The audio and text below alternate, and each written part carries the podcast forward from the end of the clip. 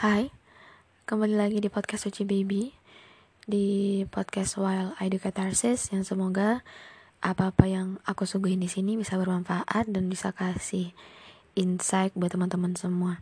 Amin. So, kali ini aku mau ngebahas sesuatu yang agak sedikit melenceng sih dari yang biasanya. Um, Aku kemarin sempat baca-baca beberapa artikel Dan nemu satu artikel yang cukup menarik untuk dibahas gitu Nah, aku bakalan mungkin uh, kasih teman-teman apa ya, mungkin review atas apa yang aku baca kemarin. It is about nggak ini nggak topik yang berat kok. Ini tentang mungkin semua kita bakalan suka sih ngebahas ini. It is about who is the one atau siapakah jodohku. Oke, okay? are you ready for this? Oke, okay, here we go. Nah, mungkin banyak dari kita yang sering bertanya-tanya seperti itu. Siapa jodohku gitu? Terutama kamu yang sampai ini masih sendiri dan memutuskan untuk masih di tahap mencari. Who is the one? Dia yang tepat, yang, yang mungkin bakalan nemenin kamu nanti hingga akhir waktu. Mungkin jadi salah satu pertanyaan yang sulit kamu jawab gitu. Who is the one? Kira-kira apa sih yang bikin kamu sampai sekarang belum nemuin pasangan yang pas buat kamu? Dan aku juga mau nanya nih, buat kamu yang udah punya pasangan, menurut kamu, pasangan kamu yang sekarang ini tuh bener-bener tepat gak sih buat kamu? Apakah dia bener-bener pasangan yang kamu butuhin? Atau sebenarnya kamu masih sering bertanya dalam hati, who is the one? Siapa jodohku sebenarnya? Barangkali kamu mau sama dia karena kamu pengen aja gitu punya pasangan yang penampilannya atau perilakunya kayak gitu atau jangan-jangan. Kamu dulu taaruf atau deketin dia cuman karena gak ada pilihan lain aja pas kamu lagi sendiri dulu. Pernah gak sih kamu mikirin jawaban dari pertanyaan siapa jodohku? Sebenarnya pasangan yang kayak apa sih yang kamu mau hubungan atau pasangan yang kayak gimana sih yang kamu butuhin? Dan tau gak sih kamu memilih pasangan yang salah justru kemungkinan bakalan bikin hidup kamu lebih sengsara dibanding sendiri gitu. Tapi tenang di sini kita bakal ngebahas ini supaya nggak terjadi kesalahpahaman dan malah nanti kamu bagi yang belum nih jadi salah strategi aku bakalan kasih di sini jawaban atas pertanyaan who is the one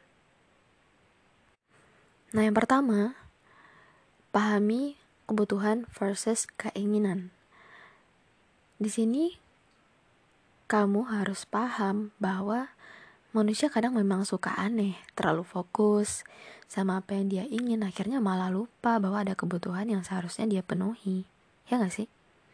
Dan believe or not, hal yang sama pun sering terjadi seputar pemilihan pasangan dalam konteks apa pun.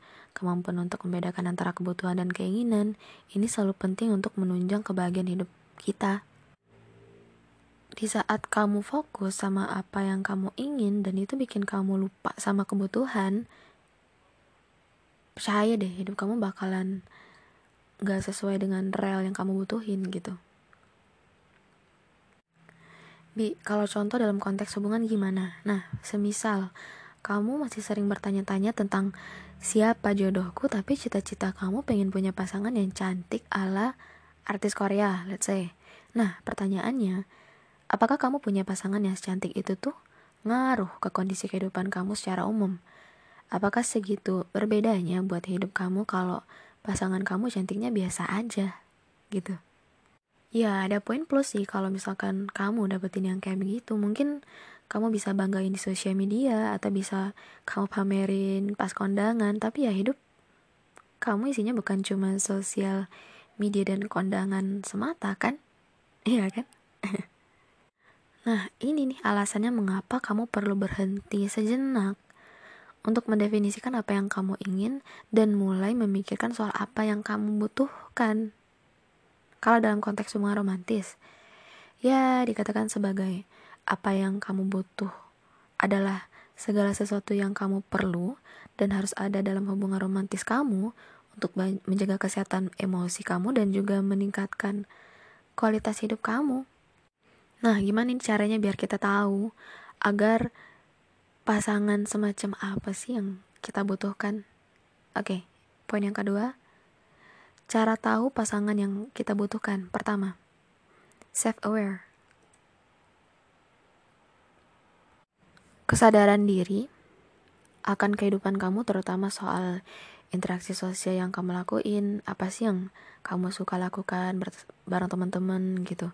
Obrolan seperti apa yang kamu suka obrolin, kemudian aktivitas apa yang kamu suka lakuin, interaksi semacam apa yang kamu lakukan, yang nggak kamu lakukan, rasanya ada yang kurang aja gitu di hidup kamu kalau nggak ngelakuin ini gitu. Nah, itu adalah kebutuhan minimal kamu dari seorang pasangan. Ingat, perasaan jatuh cinta yang seru ala naksir-naksiran di honeymoon period itu most likely bakal pudar suatu saat dan kalau pasangan kamu itu bahkan gak seseru teman-teman kamu, menurut kamu apa coba yang bakalan terjadi?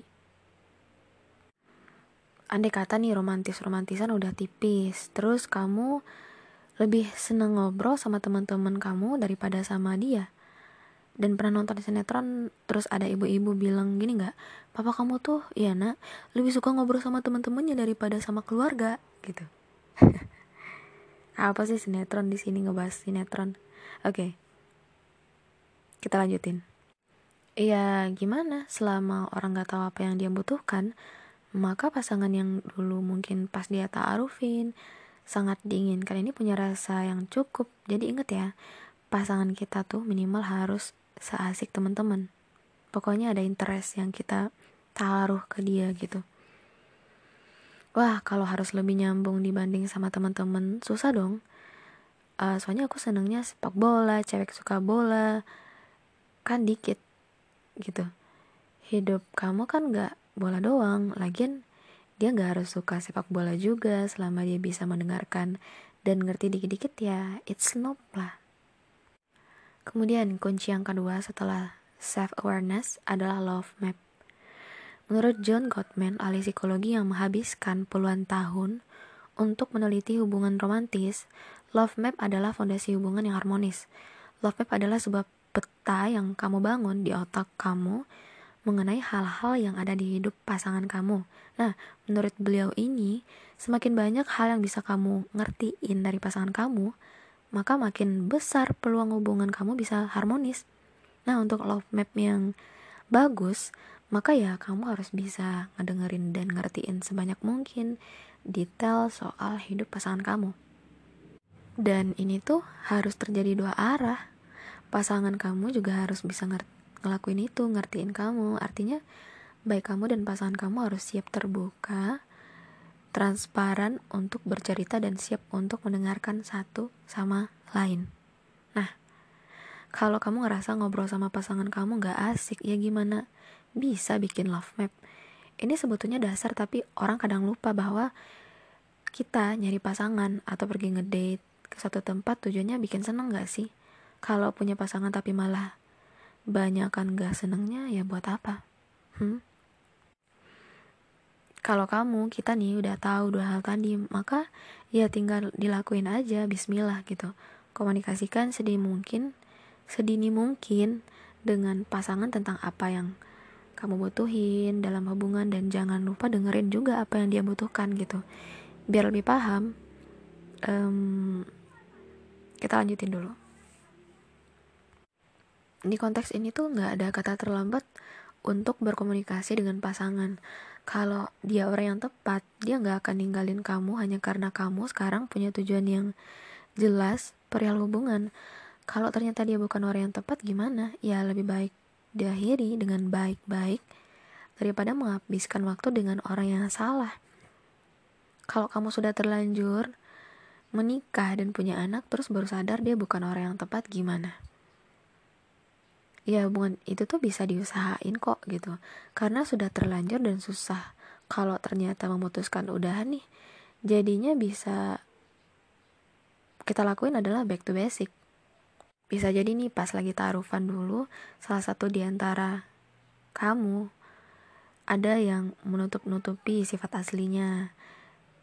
Terus solusinya gimana bi? Ya solusinya kita bikin PDKT ulang kayak um, PDKT ulang aja dengan sifat masing-masing gitu. Kalau memang susah banget coba dimulai dengan mungkin cara bertanya atau memberikan beberapa list pertanyaan terkait diri masing-masing gitu.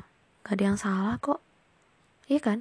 Bahkan ada orang yang mungkin udah bertahun-tahun berumah tangga masih aku pernah dengar beberapa kajian sih yang bilang ta'aruf itu sejatinya sampai mati gitu sampai kita tutup usia karena orang yang udah berumah tangga bertahun-tahun pun ada nih um, hal yang baru yang baru dia tahu dari pasangannya.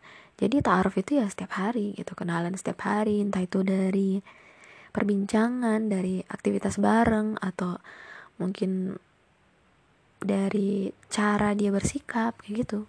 Nggak ada yang salah kok ya mungkin itu aja sih. Um, tips strategi yang kemarin aku sempat baca artikelnya. Semoga bermanfaat. Dan I think that's it. Semoga teman-teman selalu sehat. Um, dimudahkan rezeki halal toyibnya sama Allah dan I think oke okay. Assalamualaikum warahmatullahi wabarakatuh. Bye and see ya